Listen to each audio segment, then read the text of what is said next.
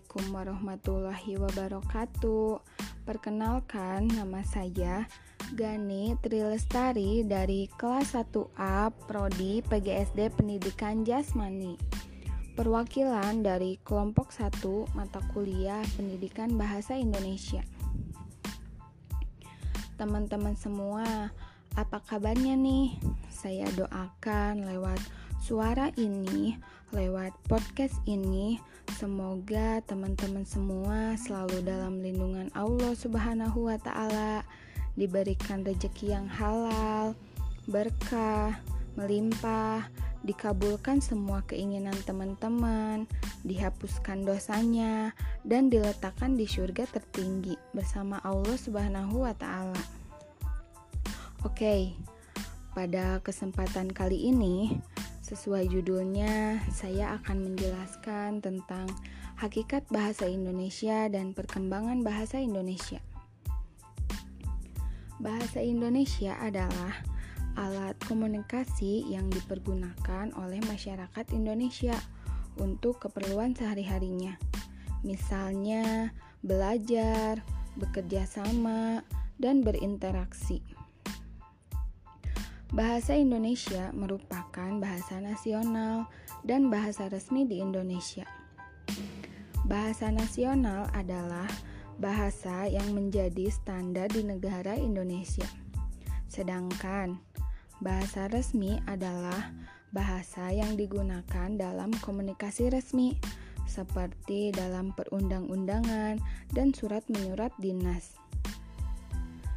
Mata pelajaran bahasa Indonesia ini bertujuan agar dapat mempunyai kemampuan berkomunikasi efektif dan efisien sesuai dengan etika yang berlaku, baik secara lisan maupun tulisan.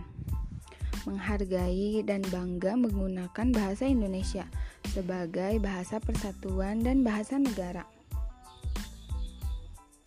Hakikat bahasa Indonesia adalah kemahiran berbahasa Indonesia baik dalam berkomunikasi, lisan maupun tertulis yang mencerminkan kesadaran berbahasa sebagai bangsa Indonesia yang lebih menetapkan bahasa Indonesia sebagai bahasa negara. Perkembangan bahasa Indonesia Bahasa Indonesia merupakan bahasa nasional yang digunakan di negara kesatuan Republik Indonesia atau sering kita sebut dengan NKRI.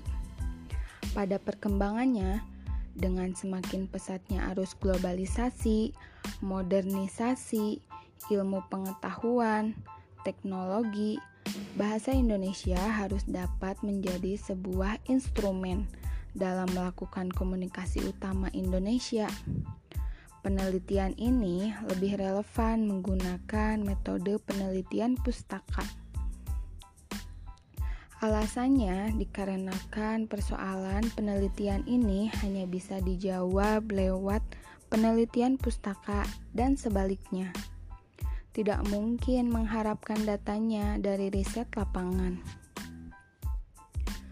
Bahasa Indonesia yang lain kita gunakan sebagai bahasa resmi di negara kita berasal dari bahasa Melayu. Bahasa Melayu yang kita gunakan tersebut merupakan bahasa Melayu tua yang sampai sekarang masih dapat kita selidiki sebagai peninggalan masa lampau.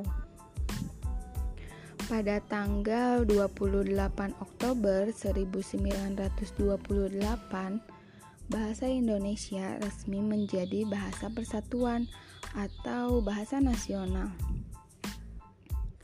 Apa sebabnya justru bahasa Melayu yang dijadikan bahasa nasional?